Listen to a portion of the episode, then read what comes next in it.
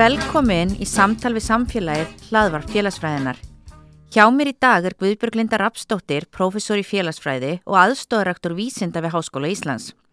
Hún laug doktorsprófi í félagsfræði frá Háskólanum í Lundi árið 1995 og hefur síðan þá átt langan feril þar sem hún hefur sent rannsóknum, kennslu og stjórnun. Doktorsverkefni hennar skoðaði kynskiptan vinnumarkað og íslenska verkalýsreifingu en einnig hefur hún stundar rannsóknir á vinnutengtri heilsu og líðan tæknithróun og stöðu kynjana í akademíunni og innan aðstu stjórnun fyrirtæki og stopnana. Velkomin Linda og takk fyrir að vera með okkur í dag. Takk fyrir að bjóða mér að vera með þér. Eins og framkom í kynningunni hér áðan þá er meira en nóg sem við getum rætt en mér langar svona að byrja að heyra aðeins af þínum upphafskrefum í háskólanum í félagsfræðinni. Hvernig það kom til á valdi félagsfræðin og ég rekna með að það hafi verið svo litið öðruvís að vera kona í háskólanámi á miðju nýjönda áratögnum heldur en það er í dag? Já, það var það svo sannarlega. Og sko ég kemur fjölskyldu þar sem að langskólamentun var sjálfgef uh, í kringum mig voru aðalega verkafólk, bændur, ynaða menn og ég var fyrsti stúdendin í, í svona minni nánustu fjölskyldu. Og ég var í sjálf sér hvert til að hafla mér mentunar en það voru kannski fólkdara mínu meira hugsa um svona starfsmentun hjókunafræðingur, kennarið, eitthvað þess að þar og þannig ég byrja á því að fara í kennaraháskólan mm. og uh, en þar var það vegi mínum félagsæðingur Dóra heitin Bjarnason Já.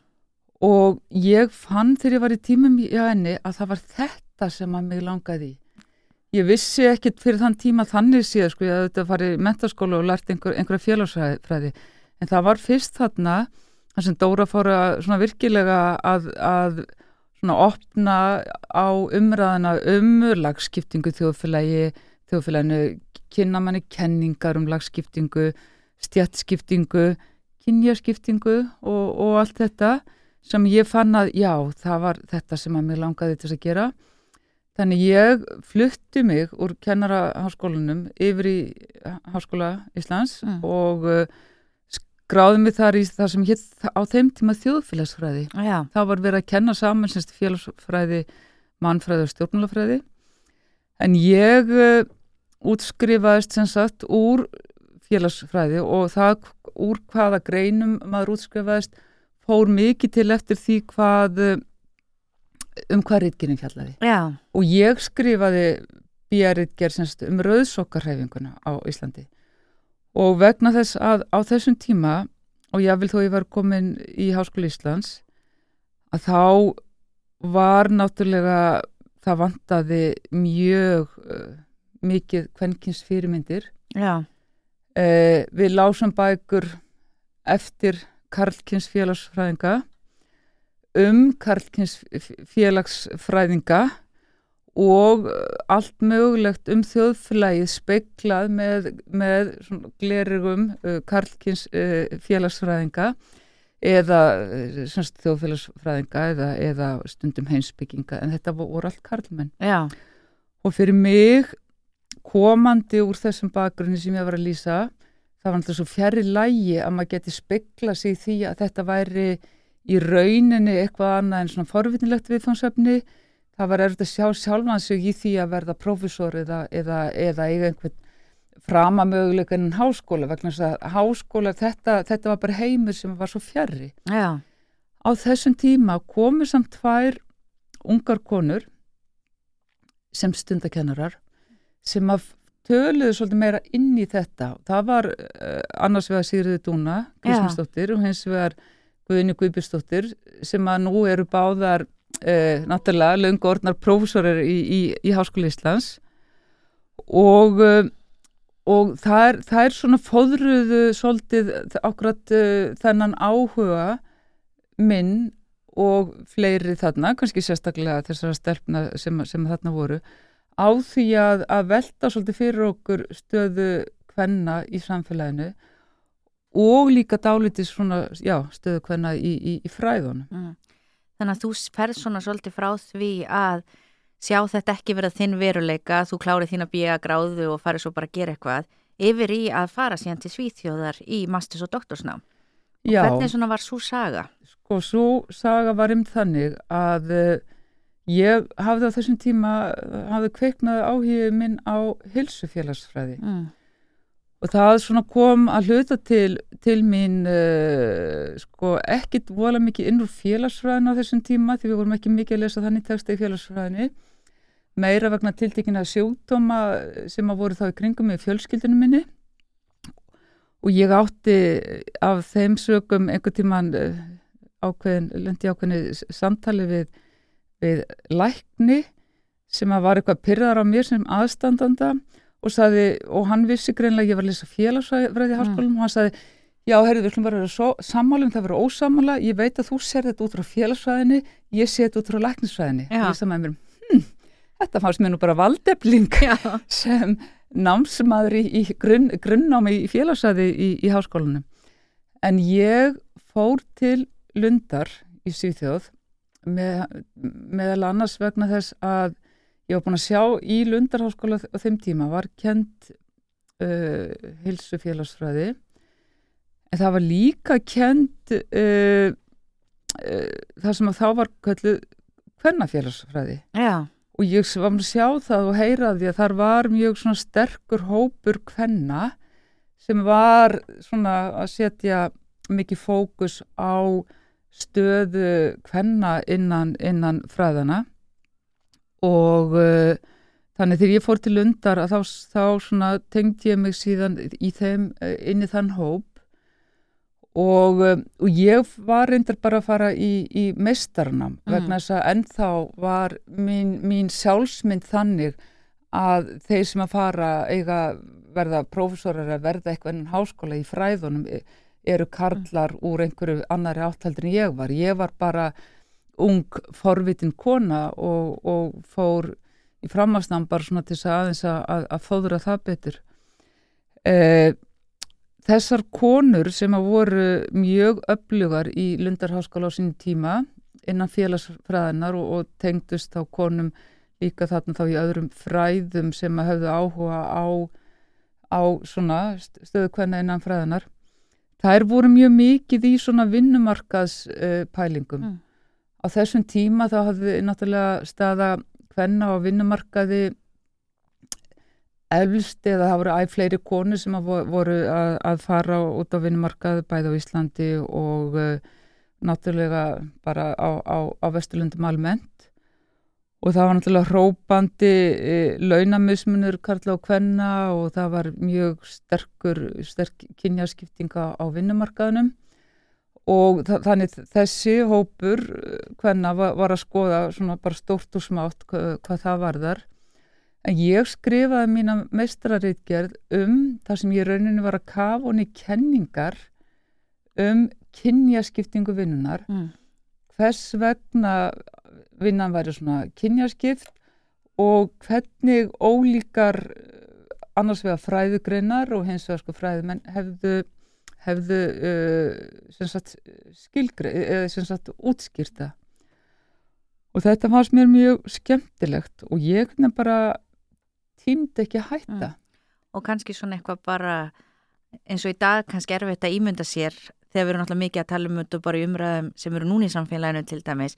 En þetta hefur verið bara daldið eitthvað algjörlega nýtt eða svona Já, eitthvað sem lítið hafi verið rætt.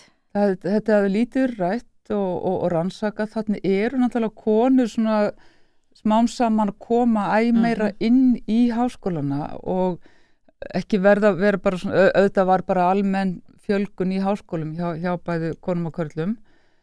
Og en svona konur voru svolítið að st- að styrkja stöðu sína, náttúrulega sérstaklega þá, þá sem, sem námsmenn. Og þetta var einhvern veginn svona mjög álitið, neða mjög, mjög svona mikil þörf á að, svolítið, að, að, að fjallum þetta og, og skoða nánar í rauninni hvers vegna konur á þessum tíma voru ennþá laun, verið launaður Mm. heldur en karlar og hvers vegna vinnumarkurinn var svona kynnaskiptur, þetta er þetta viðfóngsefnið enn í dag. En, uh, en hérna uh, já þannig að ég uh, mér bara leið, mér fannst það mjög skemmtilegt og það var eiginlega þarna sem félagsfræðin tók mig alveg. Já, að því að sko þegar ég var hérna þá í eins og þjóðfélagsfræðinni í Háskóla Ísland, mér fannst það, það forunilegt, ég vildi halda áfram. En þarna bara sá ég, ég gati ekki hætt þó ég væri búið með mína meistarritgerð og á þessum tíma var mikil umræðu um það í Svíþjóð að uh, það var svo mikil uh, karlaslagsíða í verklinsreifingunni mm. Og var svo mikil karlkverfa innan ramma hennar að konur, sænskar konur voru að hugsa um að stopna verka kvennafélag. Já, og það fannst mér nú mjög aðdýrlisvest að heyra það vegna þess að uh, ég uh, vissi það náttúrulega á Íslandi væri verka kvennafélag já, ég vissi, var ekki búin að átta mig á því á þessum tíma að, eh, að það var bara í rauninni Ísland og Danmörk, hérna Vesturlöndum, sem voru ennþá með verkakvennafélög. Þannig ég fór að velta því fyrir mér uh, þarna sem varð síðan dóttarsverkarni mitt, hvaða merkingu hefur það haft fyrir stöðu kvenna í atvinnlífinu að vera með sérstök félög bara fyrir konur. já, Og auðvitað kom þetta hluta til vegna þess að ég hafi skrifað hérna björritger um, um, um uh, rauðsokkarhefinguna, þannig ég var svona aðeins að spá í þessar kvennarhefingar. Ég hafði komið að því að stopna kvennaframbóðið sem bauð fram til borgastjórnar í Reykjavík og á Akureyri. Ég var hérna einhvers þar á einhverjum, einu pólitíski frambóðslistin sem ég verið á. og hérna þannig ég var það svo sem stóði nærri mér alveg að vera velta fyrir mér þessum hreyfingum. mm. Þannig ég fór að grafa mig ofan í, í uh, sem sagt, það- gagnaöflun í kringum verkakvennafélögin já. og fór þurftan til að byrja því að veltaði fyrir mér okkur þau eru til á sín tíma. Og hvers konar gögn voru það sem að þú varst að Jú, skoða? sko, þá var ég annars vegar að bara að, að, að fara í gegnum sagt, svona sögulegögn og, og, og, og, og ritaðar heimildir um, sem meðlan síndi mér það að, að sko, ástæð þess að verkakvennafélagin voru stopnu voru, það voru, voru að sko, fyrstu verkamannafélagin sem voru stopnu þau kallarnir vildi ekki hafa konur Já. með. Af því að þeir töldu ef að þeir var að semver konuna líka þá myndi þeim ekki ganga. Já, og þegar allþýðu sambandi var stopnað 1915 eða 16 að skömmu síðar þá, þá hérna og þá var búið að stopna einhver verka hvernafélug, þá s- var allþýðu sambandið að eh, að semja fyrir verkakonur og verkakarla Mm. var ákveðið að, að sambandi myndi semja fyrir alla. Og, þið, og þá, s- al, þá samdi allþýðu sambandi um launa lækkun fyrir konur já, og launahækkun fyrir karla. Og töluðum þessum stórfældan sigur fyrir konur að þeir gáttu fyrir vikið samið um uh, herri laun fyrir karlana. já, Konurnar verkakonafélaginu voru alltaf brjálaðar eðlilega. bæði vegna þess að sko auðvitað eru voru sumar konur ekki með karlkins fyrirvinnu Já, og sumar konur byggum með körlum sem á bara þénuðu lítið og þær bara þurftu á viðbótar hérna launum að halda, svo var þetta náttúrulega sjálfsmyndar uh, mál. já, En þú spurði hvers konar gögnum, Já. þannig já, ég var annars vegar bara semst, að fara í gegnum mikið af svona skjölum og pappirum um, um framþróun reyfingarinnar reyfingarinnar, en svo tók ég viðtöl við svona þrjú lög af af sagt hérna svona valda kjörnum innan verklisæfingarinnar já, fór þar mjög eftir hérna svona aðferðarfræði Dorothy Smith sem var þá svona gúru innan svona feminískrar eins og kvöllin í dag en á þeim tíma svona hvenna félagsfræðinar um Já. það hvernig, hvernig maður ætti að nálgast svona hérna viðfánsefni eins og þetta. Já, en, en ég talaði við, tók viðtöl við konur, semst fiskvinnslukonur eða fiskverkakonur og fiskverkakarla sem tilherðu þá hérna, verkakvennafélögum annars vegar og karlafélögum hins vegar.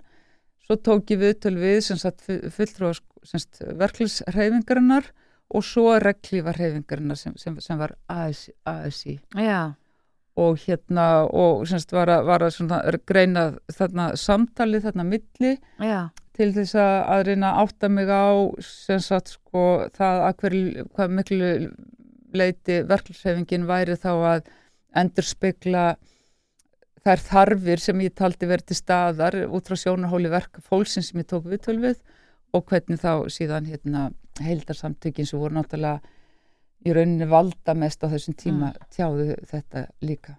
og ég veit að nú komið svona svo litl tími síðan þú kláraðir og varst að skrifa doktorsritgerðina en ég held að við kannski gleymum henn aldrei því að þetta er svona fyrsta stóra verkefni sem að við svona hönnum kannski alveg frá að til auð sjálf Já, einmitt, en að einmitt. hvað var svona kannski áhugaverða sem kom út úr ritgerðinni? Sko það sem að hérna mér fannst sko á sínum tíma sem ég var svona kannski uppteknust af og, og, og fannst hérna vera kannski meginniðustuð mínar voru að það var mjög mikil kallaslagsíða í íslensku verklisreifingu þarna í, í lo, e, já, þarna á svona tíunda áratug þá, síðustu aldar. Og ég er að safna gögnum þarna um í- og upp úr 1990 og uh, þarna var ennþá, auðvitað var ekki lengur verið að semja um sérstök laun fyrir konur og alltaf sambandi var ekki að semja um launalekkanir Mm. en það var mjög lítill skilningur á því að, að konur þyrtu samt sem áður í raun og veru að hafa sem laun og karlar karlar voru nánast allir á, á semst, yfirvinnu eh, einhvers konar tökstum og var náttúrulega nánast engin karl með bara uh, svona reyna uh, reyn takstalun Já, það gildi um, um konur. Og það var mjög lítill skilningur einhvern veginn á því meðal verklisfórustuna sem ég var að tala við að það væri raunverulegt vandamál. Mm. Og ég fekk alveg hérna algjöra svona gullmóla uh, þar sem að einn verklisfóringi fórlunum að tala um það að hann hefur rauninni aldrei skilið okkur konur væri að vinna úti og fór að segja mér frá mömmu sinni hvað hún hugsaði vel um hann og fór að segja mér frá fugglónum og hvað fugglamömmunar var að natnar við börnin sín og svona. Veist, það, þannig ég bara já þannig þetta, þetta sló mig.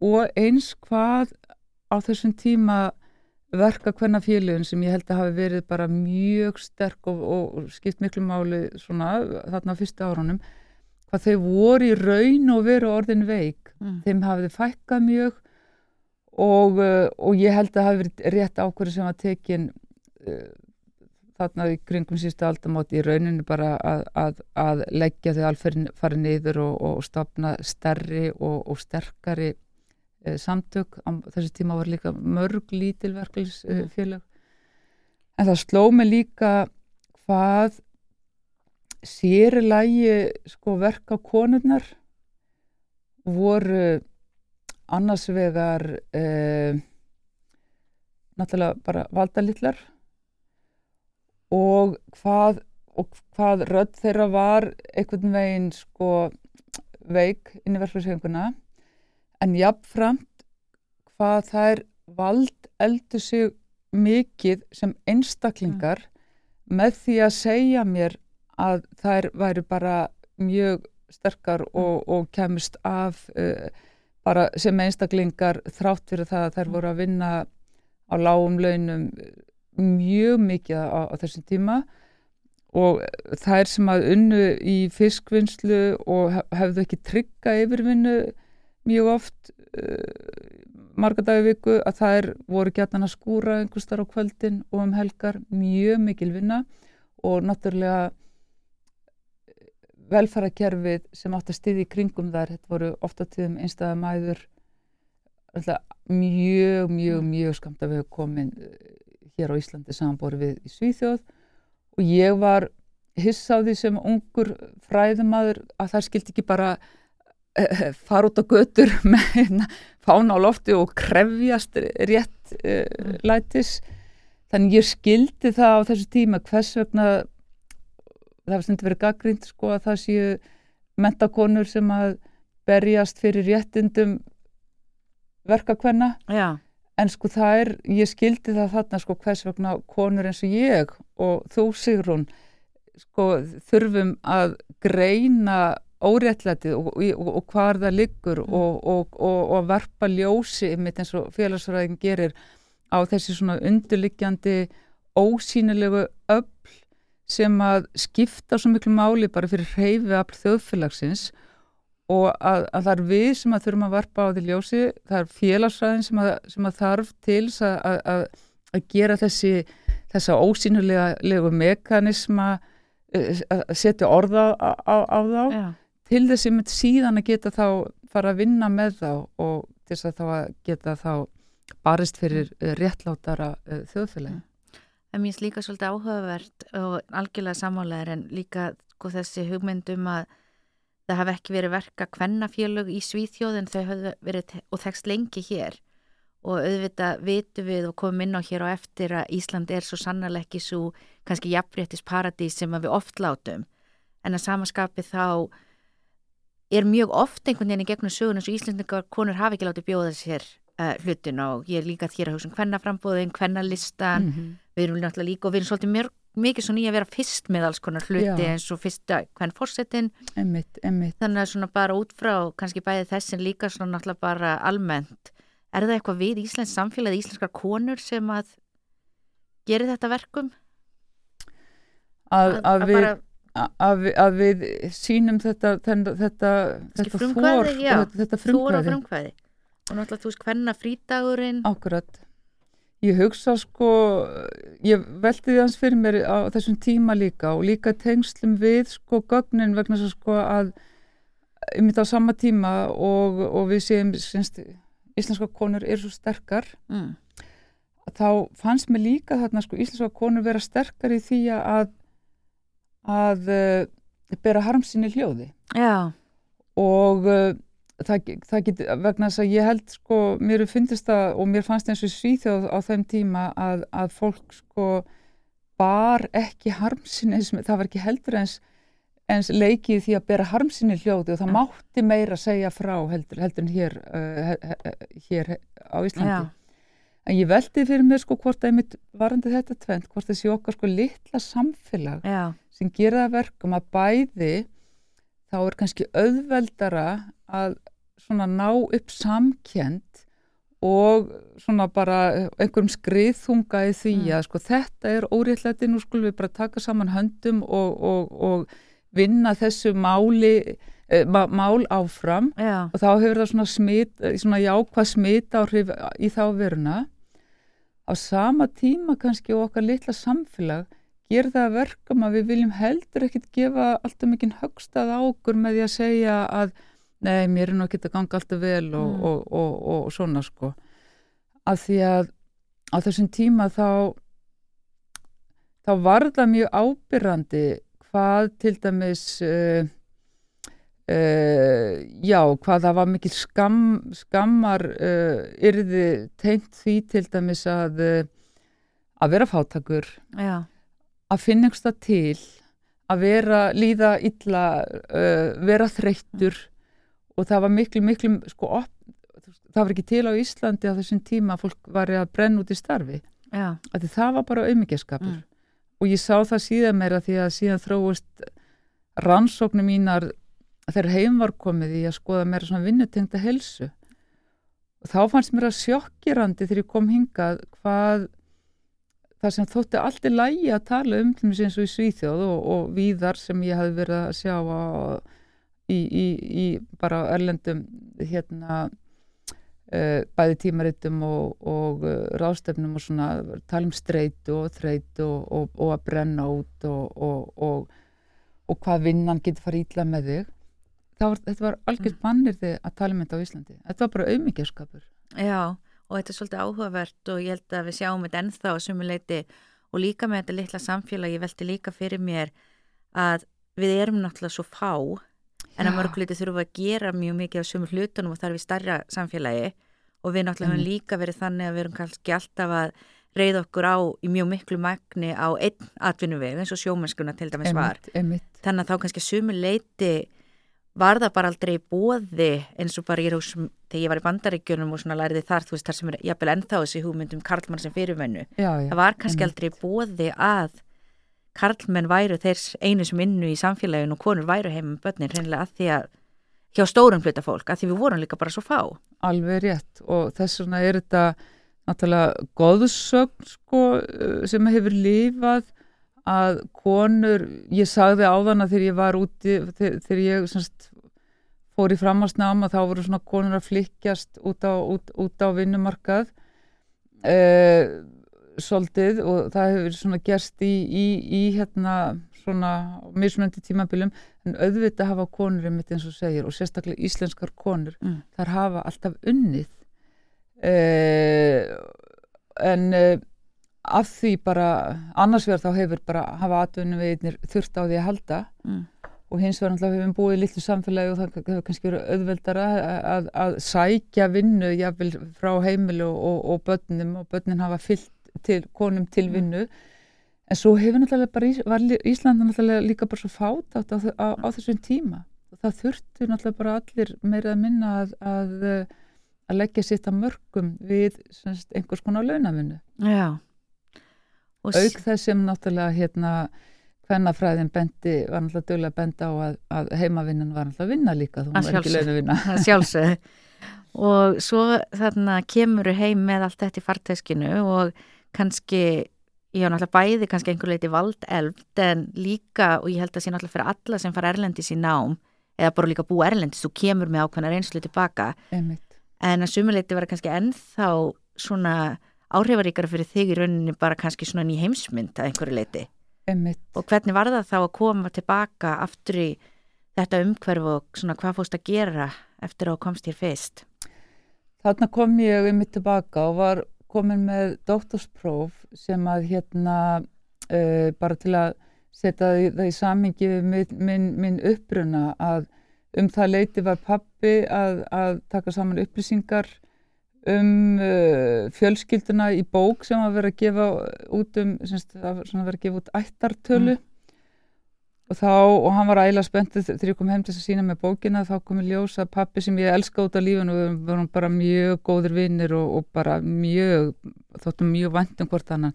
Þá hefði hann skrifað að ég var húsmáður í Svíþjóð. Húsmáður í Svíþjóð og þetta er sko, ég var náttúrulega mjög, mjög, mjög miður mín að því mér fannst þetta bara fyrir fyrstakast ég var alveg rosalega bara, ég, ég var reið og ég bara, Já. ég sé ekki hvað ég ætla, mér langar helst að efna til bókabrennu Já að því mér fannst þetta svo mikið svona sjálfsmyndar nekkur fyrir mig en á sama tíma var þetta svo, svo lærdomsrikt og svo aðdeglisvert að því annars vegar þá sýnir það og kemur aftur inn á stöðu hvenna í bara fræðunum og í samfélaginu hann sá við það að þrátt fyrir allt og allt þá pappi við sannlega ekkert hvað félagsfræði var almenlega mm. ef ég hef verið hjókunafræði eitthvað þá hefði hann kannski áttu öllur með að setja orða það. Já. Og eitthvað svona doktorsnámi, ég held að hann hafa einhvern veginn bara, þú veist, finnist bara, já, ég var einhvern veginn bara alltaf í skóla, þetta líti bara að vera eitthvað svona byggtími hjá mér þar til ég kemur heim og fara, fara að vinna. Og ég, en þetta var líka til þess ég þurfti svolítið að hugsa, um, sko, sjálf, verandi, komandi úr svona þessari átt og ekki sagt, með mikið langskóla fólki kringum í minni fjölskyldu og fara sín í félagsæði sem allir spurða þessum tíma, já, hvað er það og mm og allar, hvernig allar síðan að nota hana á vinnumarkaði? Að kannski var ég bara alls ekkit mikið, nægilega mikið að tala um það hvað ég var að gera. Já. Kannski hafði ég ekki sjálfströst til þess að segja, jó, ég er nú í doktorsnámi í, í, í félagsfræði. Uh, kannski fór ég sjálf bara veginn alltaf að tala um eitthvað allt annað heldur en sko, heldur en virkilega það sem ég bara brann fyrir að gera þegar ég var í mínu námi sem að annars vegar sem, sem að eru sko merkingarbært finnst mér fyrir þegar við tölum um eins og í þessu samiki uh, stöðu hvenna og, og hefur kent mér svolítið að ég og allar aðra konur sko við verðum svolítið að passa okkur á því að bara svolítið að segja frá því sem við verðum að gera Já. ekki vera bara hérna þú veist, við hefum bara að vera stoltar með, með það sem við erum að gera og við hefum að segja frá því. Það var líka einn vinkona mín sem að sagði, ha, varst að klára dóttarspróf? Þú hefur aldrei sagt mér að var í dóttarsnámi. Maðurinn minn er búin að vera í dóttarsnámi í hundra ára og hann talar ekki mannað. Um og svo er þú allir bara komið með dóttarspróf. og þetta ég, og ég hef hugsað sko ef við ætlum að valdefla konur þá hefum við líka að kenna þeim að bara segja frá því sem mm. það er að gera og það eru ánægðar ekki vera með eitthvað svona komplex yfir því að það sé að monta sig eða halda að séu eitthvað eða sé að gera ómikið úr sjálfhansir það, bara, veist, það, það er ekki bóði mm. og mér er svona sérlega áhugavert í því samhengi að spóla kannski aðeins áfram að því að það er mjög áhugavert rannsóknaröfni sem að því Þorgirður Einarstóttir professor í kynjafræði stóðuð að. Og það var um að skoða stöðu hvenna að því við höfum kannski svolítið núna farið þá frá þessari stöðu verkakvenna og auðvitað hefur orðið mjög miklar framfari í íslensku samfélagi varðandi jafnrétti. En svona í því verkefni voru sérstaklega að kannski skoða þessa hugmynd komast konuvirkila á toppin Einmitt. og hvernig það er með konur í semst aðstu stjórnun fyrirtækjastofnana. Kannski um til að segja mér aðeins frá því bæði hvað þið voru að skoða já, og, ég ætla, en ég ætla fyrst að segja sko, það, þarna komið síðan millibils ár samt sem áður, þar sem ég fór þar sem ég lokaði hrinnum og fór aftur að skoða mjög mikið eins sem ég nefnd aðeins á hann vinnutengda líðan hvenna og hérna og var búin að vera að skoða það alveg sko afturbakk og, og, og áfram. Og ímislegt bara sem ég fannst mjög áhægvert í því samhengi. Og varum tíma þarna að vinna með rannsóknarteimi hjá vinnaeftirlitina mm. og, og rannsóknardeild þar árið fór upp í háskóla. Já. En svo þegar mér, mér fannst ég verið búin að vera í ótalmörg ár alltaf að fjalla um vi, vi, heilsu þá langaði mig um einmitt aftur svolítið að fara að skoða meira kannski svona þennan eða það kom til mín að fara að skoða svolítið svona ekki endilega uh, líð, líðanna fyrst og fremst Já. heldur í mitt svona hérna lagskiptingu í, í fyrirtækjum og, og, og stopnunum og, og við þorgjörður sóttum um styrk til þess að skoða hvernig á því stæði að uh, í, uh, í sem sagt uh, vöggu kynjajabrittis að því Ísland var það búin að vera í mörg ár og er enn nummer eitt til dæmis á kynjabilskarfkvarðanum og, og við það. Hvernig stendur á því að konur er ekki stjórnandi fyrirtækja? Og á þessum tíma þá var líka... Og hvaða ár er þetta?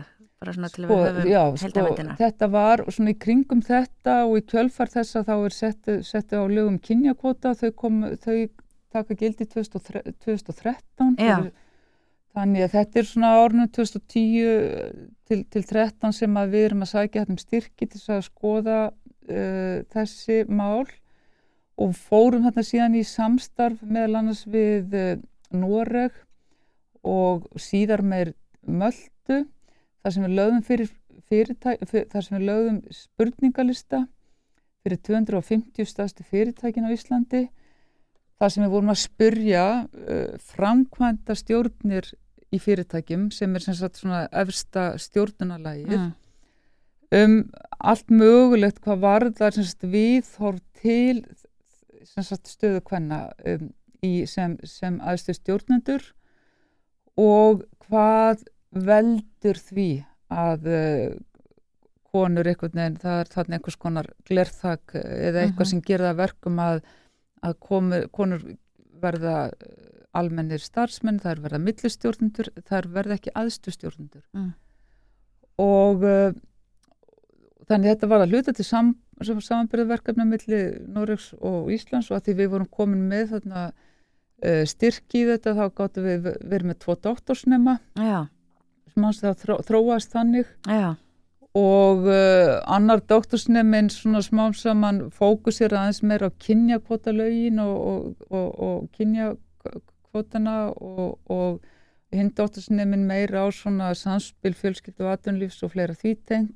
En síðan var þetta bara allskynsgögn, uh, viðhásgögn og spurningalistagögn og viðtalsgögn alltaf að segja um, um þetta. Og þetta í rauninni er alveg ótrúlega áhugavert gögn því að þeir að skoða í rauninni bara stæðstu og mikilvægastu fyrirtæki landsins og fengu mjög góða svörun.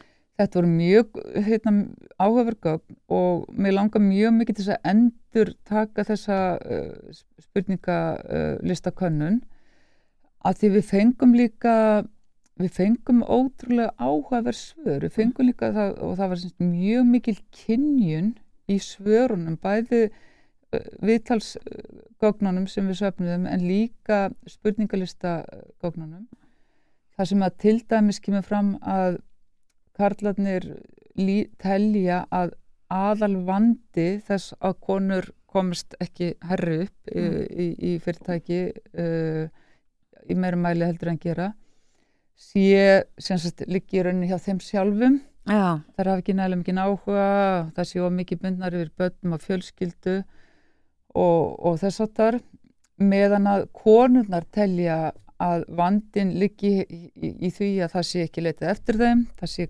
fyrirtækin séu karlæg það er ekki karlæg menning og að svona strákarnir horfi ekki út fyrir sinn eigin pott. Já, En síðan náttúrulega er á þessum tíma þarna sett eh, lög um kynja kvóta en lögin um kynja kvóta taka bara til sko stjórnana það er ekki, að, ekki semst aðstaf stjórnanateimis í fyrirtækjunum heldur til þess að svona utan á liggjandi stjórna sem að hérna uh, eiga þá að vera meira svona eftirlits aðilar Já. í fyrirtækjum þannig stjórn til dæmis Æslandi er, Já. þar þarf að passa þessi kynjalutvar Já, en æðstu stjórnendur geta Já. í raunin allir verið karlar. Akkurat, nákvæmlega sko. Og við vorum líka hans að rýna þessar stjórnir og það kemur í ljós að sko við erum greinilega, greinilega löglíðin á Íslandi vegna þess að það er þannig að sko, þetta gildir um fyrirtækja sem að starfa hjá 50 manns eða fleiri. Já, Langt flest fyrirtæki í Íslandi eru, eru minni. Mm, en sko við erum með svona nánast 40% eh, hlut hvenna í stjórnum fyrirtækja sem að falla undir lögin uh, við erum eiginlega aldrei með stjórnarformann. Já, að þið enda segja lögin ekki til um það að það þurfa að vera. Og við erum eiginlega aldrei og við erum aldrei, bara eiginlega aldrei með sko fleir, meir en 40% konur. Við erum Mm. ekki með 45% og, og við erum ba- bara eiginlega aldrei með 60% Já. hlut hvenna sko, þetta á að vera millir 40 og 60 þannig við sko náum upp í lámarkskilirðin og svo hafa nánast enga breytingar átt í staði fyrirtækjum, öll, öllum hinn fyrirtækjum sem eru flest fyrirtæki á Íslandi sem að falla ekki undir lögin. Já, að því að það er starfa færri en, en 50 já, Þannig við sjáum mjög, mjög litla breytingar á svona í, í, í þessum valda Mm. uh, struktúr uh, fyrirtækja. Og uh, sem er svona umhugsunarefni í ljósi þess að, að uh, íslenska konur eru náttúrulega þær konur í heiminum uh, s- uh, eða í þeim löndum sem að vesturlöndum sem, sem að við erum að björga við sem að vinna hvað mest og vinna hvað lengst. Já, þar sé að vinna, vinna lengst bæði í árumtalið og, og í klukkustundum talið Mm. og eru hvað flestar út á vinnumarkaði þannig að uh, það, það, þarna er ein- einhver træða mm. Og nú hafa náttúrulega kynjakvotar verið notaðir í ýmslu samfélögum og margir hrifnir að þeim en það heyrast líka gaggrinnisrattir og auðvitað stundum þá kannski að einhver minna hæfur og þá oft náttúrulega minna hæf kona Jú, jú, sé að fá jú. starf yfir meira hæfan kalli eða setjast í stjórn yfir meira hæfan kall. Hvernig myndir þú svona með við þína rannsóknir og reynslu svara þessum gaggrinnisröttum? Sko það sem var aðdeglisast að við vorum bæði safna viðlaskóknum og, og síðan spurninglistagögnum að það sem ég fannst aðdeglisast var að sko viðtöl við karlmenn sko við tókum meðal við, sko ég er með um 60 viðtöl við, við, við stjórnendur sem að sko við erum að safna í gegn, gegnum tíðina en hluti viðtöluna er engangu við hérna stjórnarformen í, í, í, í stjórnum. Og að taka viðtöl við reynslu mikla karlkins stjórnunamenn uh, karl, karlkins uh, stjórnendur sagt stjórnarformenn Stjórnaformin? var ann öðruvísi heldur en að taka viðtöl við semst karlmenn sem að voru til dæla sko yngri og nýteknari uh, semst sem hafðu nýlega tekið við sem stjórnarformenn ungu strákanir ungu stjórnarformenninni Karlkins, þeir voru miklu meira á Varbergi, þeir voru miklu meira móti kvótunum heldur en þessir eldri. Já, auðvitað gæti það verið vegna þess að þessir ungu myndi fyrir ekki að segja eins og þú varst að vísa til þess að væri staðið fyrir ekkar fyrst þar allir að, að, hérna, að, að þarna væri verið að afhenda einhverjum konum hérna, sæ- stjórnarsæti á, á Silfurbakka. Og það ógnaði þeim strákonum að því þeir kemst ekki að. Uh, en uh, sko eldri og, og þá getur maður sagt þessir eldri voru hvort þeir búin að hérna, eiga sinn tíma og voru kannski leiðin út. En þeir voru miklu líklegri til þess að segja svona sko að já, jú, jú, jú sko það var alltaf búið að vera að tala um þetta í hundra ára að reyna að fjölga konum sko þessu bara sæðir þeir að sko það væri það bara gengi ekkit sko vegna þess að menn einhvern veginn bara eru hafa stuttan tíma átt þess að skiptum stjórnin og menn bara horfið yfir sviðið og þekktu þennan hinn og þetta væri bara spenningum networking menn þekktu sig á gunna og kiptum Mm. honum inn sko sem þannig, að- þannig, þannig þeir sögðu sko það bara hjálpar okkur að fá hérna þessi lög vegna þess að þá einhvern veginn bara verðum við að, að líta mm. aðeins út fyrir okkar venjulega pott og við erum bara búin að fá til okkar fullt af konum sem eru bara að standa sig mjög, mjög vel Mm.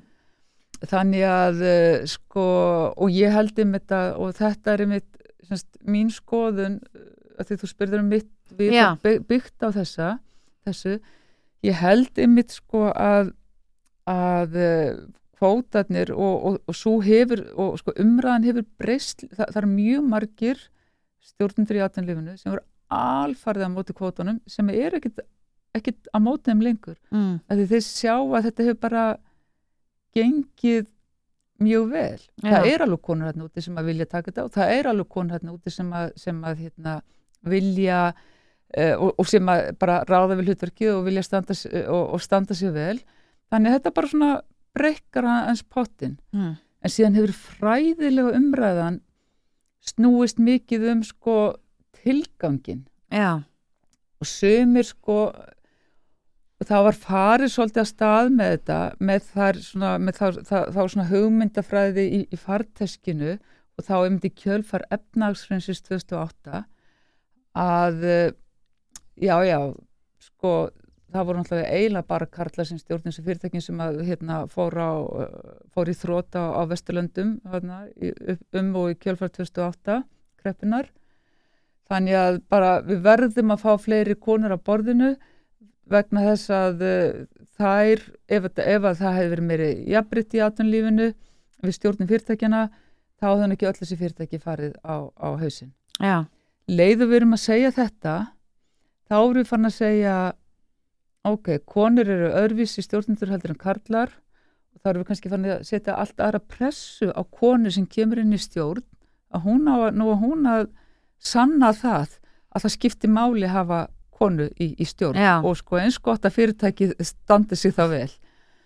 Meðan að aðri segja sko þetta á að snúast um það. Þetta, þetta er bara hugmyndafræði. Þetta, þetta á að vera bara hugmynda, bara jafnbreytis hugmyndafræði. Já, uh, það er bara óveðlegt að helmingur fólks á vinnumarkaði, konur séu ekki að taka þátt í valda miklum embættum og þess vegna þurfum við bara að tryggja það líðræðisins vegna ekki vegna þess að þær þurfi að sanna það að þær hérna, séu síður líklegri til þess að Já. sigla fyrirtæki með þrótt. já, nákvæmlega og þegar við svona kannski förum frá að þú veist að tala um fræðilegu umræðina og þú verður líka aðeins skoða þetta innan akademíunar Já, og hvernig kemur hún svona út í samanburði við fyrirtækin og og stofnanir. ég hef svona verið í rannsóknarverkefnum svona sem hafa verið með svona svona já, ég hef verið með svona tvo fasa í akademiskum rannsóknum.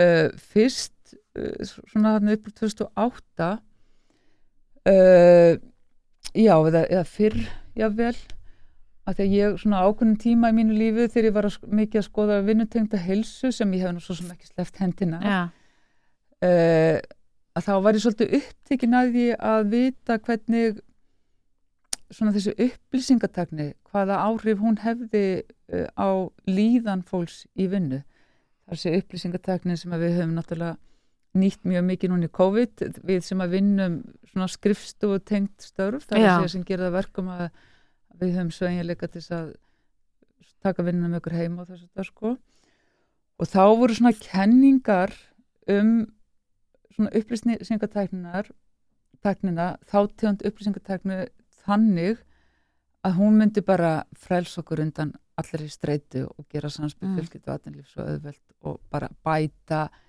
bæta allt við Mm. kæmumst bara þanga sem að sko hérna Max Karlin og Engels voru að skrifa um á sínum tíma bara við myndum geta þú veist gert eitt á mótni og, og hérna annað um hátegi og e- eitt annað á kvöldin Já. og bara lífa hann ekki sem er lífi og þá fyrir ég myndi að hugsa sko, þa þannig bara þannig er við kannski bara sko, það er náttúrulega fáir sem að hafa kannski raun jafn mikið sveigjanleik og sjálfræði starfi og lektor og dósend og prófessorar. Já, og öll vinnum við við með tölfur og þau, þetta, þannig þetta lítur að vera, hvern, hvernig skildi upplýsingateknin svona eitthvað nýta og þá samspil og atvinnlýs nýtast í akademíinu já, og á þeim tíma þá sko hafði líka áhugaði að skoða hvort að við sæðum einhver, einhver kynja minnstur í því.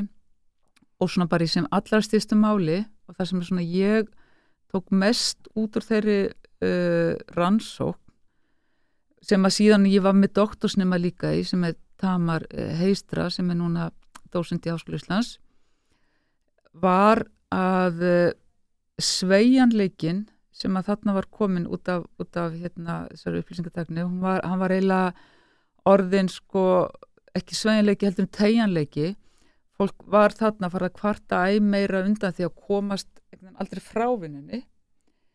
Þar að segja hérna, jú, jú, ég get tekið vinnuna með mér heim mm. sem er bara mjög gott og fólk með lítið börn getur sagt, jú, ég get farið á leikskólan klukkan fyrir fjögur og náði börnin og sem get ég haldið áfram að vinna en vandin er sá, þú veist, ég get ekki farið sömumbústafans að taka með mig tölvuna og ég verð alltaf, ég hef enga afsökun lengur til þess að vera ekki í vinnunni. Já, þannig að sko þetta sem átt að vera svo heilbrygt og tala mjög vel inn í kenningar um sko hvað gerir vinnuna heilbryða og, og, og starffólk hamingisamt þetta var eiginlega komið eins og búmerang tilbaka til okkar vegna þess að við einhvern veginn og höfum trúlega ekki ennþá alveg lært að handla, handla þessa tegund upplýsingatekni þannig að tekni verði ekki bara framlengdur armur okkar og vinnan þar með og að við einhvern veginn getum aldrei sagt stopp. Já, og þarna var komið upp áhugjefni um að sko sérlega ungt fólk á vinnumarkaði sem að þarf einhvern veginn að ná að sanna sig.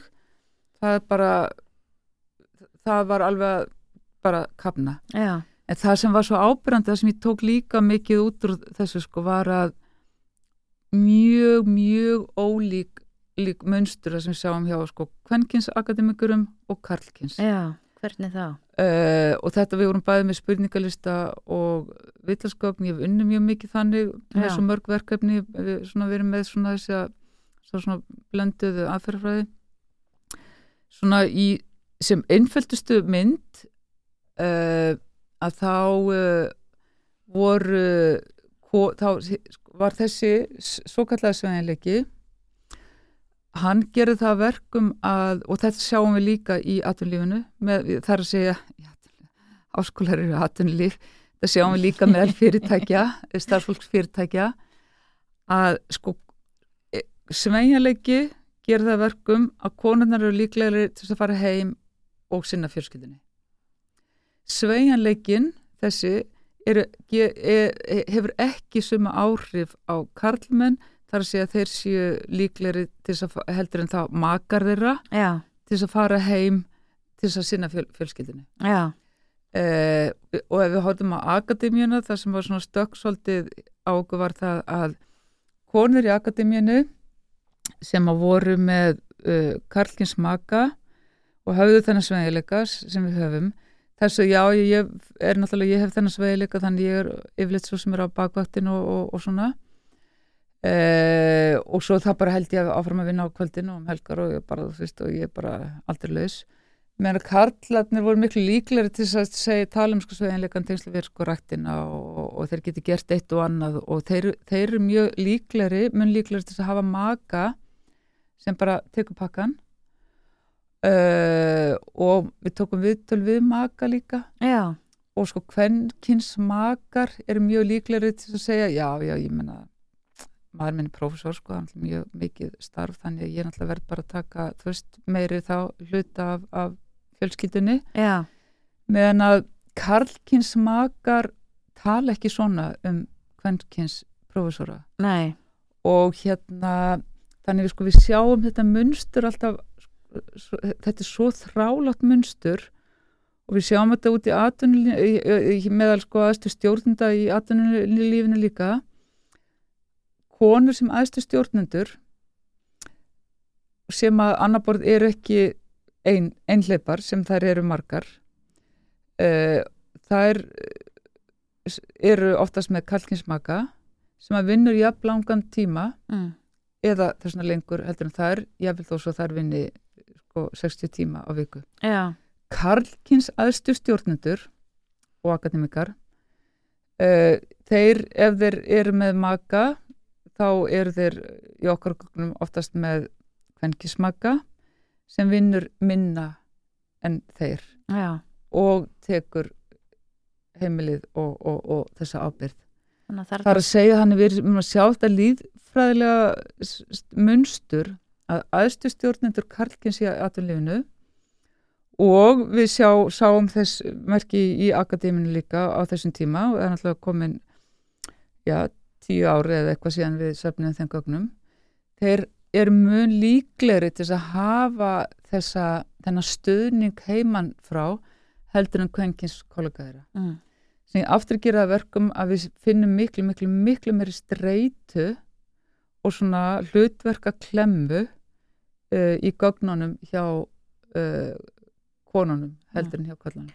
og skapar auðvitað ákveðin ójöfnuð um hvernig og hvers auðvelt er að ná árangri í starfi sem að kannski Algjörlega. tengist inn á það sem þú ert að gera núna með styrk frá Nordforsk að það er svona að skoða stöðu Karl og Kvenna með doktorsnám og launamön og svona með að við fjölmjölum fyrir undarfarnir ríkit vissum að ég vilja endilega ræða þetta þar sem að hefur verið að koma fram að meðaltali séu konum með doktorsgráðu Mm. með samfæri laun og karlar með bíagráðu en ég heldur verið nú samt að taka umræðuna um, og kannski þú myndir bara segja mér svona í lokin frá því hvaða er sem að þú hefur verið að skoða í þessu verkefni og hvort það séu koma einhverja niðurstöður Já, við erum þarna um fekki Nordforsk styrk og, og réði inn dóttursnema, Mæju Stáp, mm. uh, sem að hefur verið að skoða greina gögn sem við höfum fengið aðgangað hjá Hagstofinni en svo er, líka, er ég líka með annan dóttursnema sem að hefur tengst þessum gögnum og hefur verið að vinna meira með viðtalsgögn.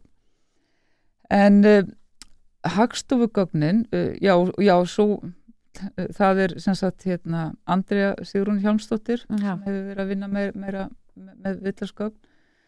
En uh, hagstofugögnin þau, við hefum getað tengt þau meðal annars sagt, laun, launagögnum.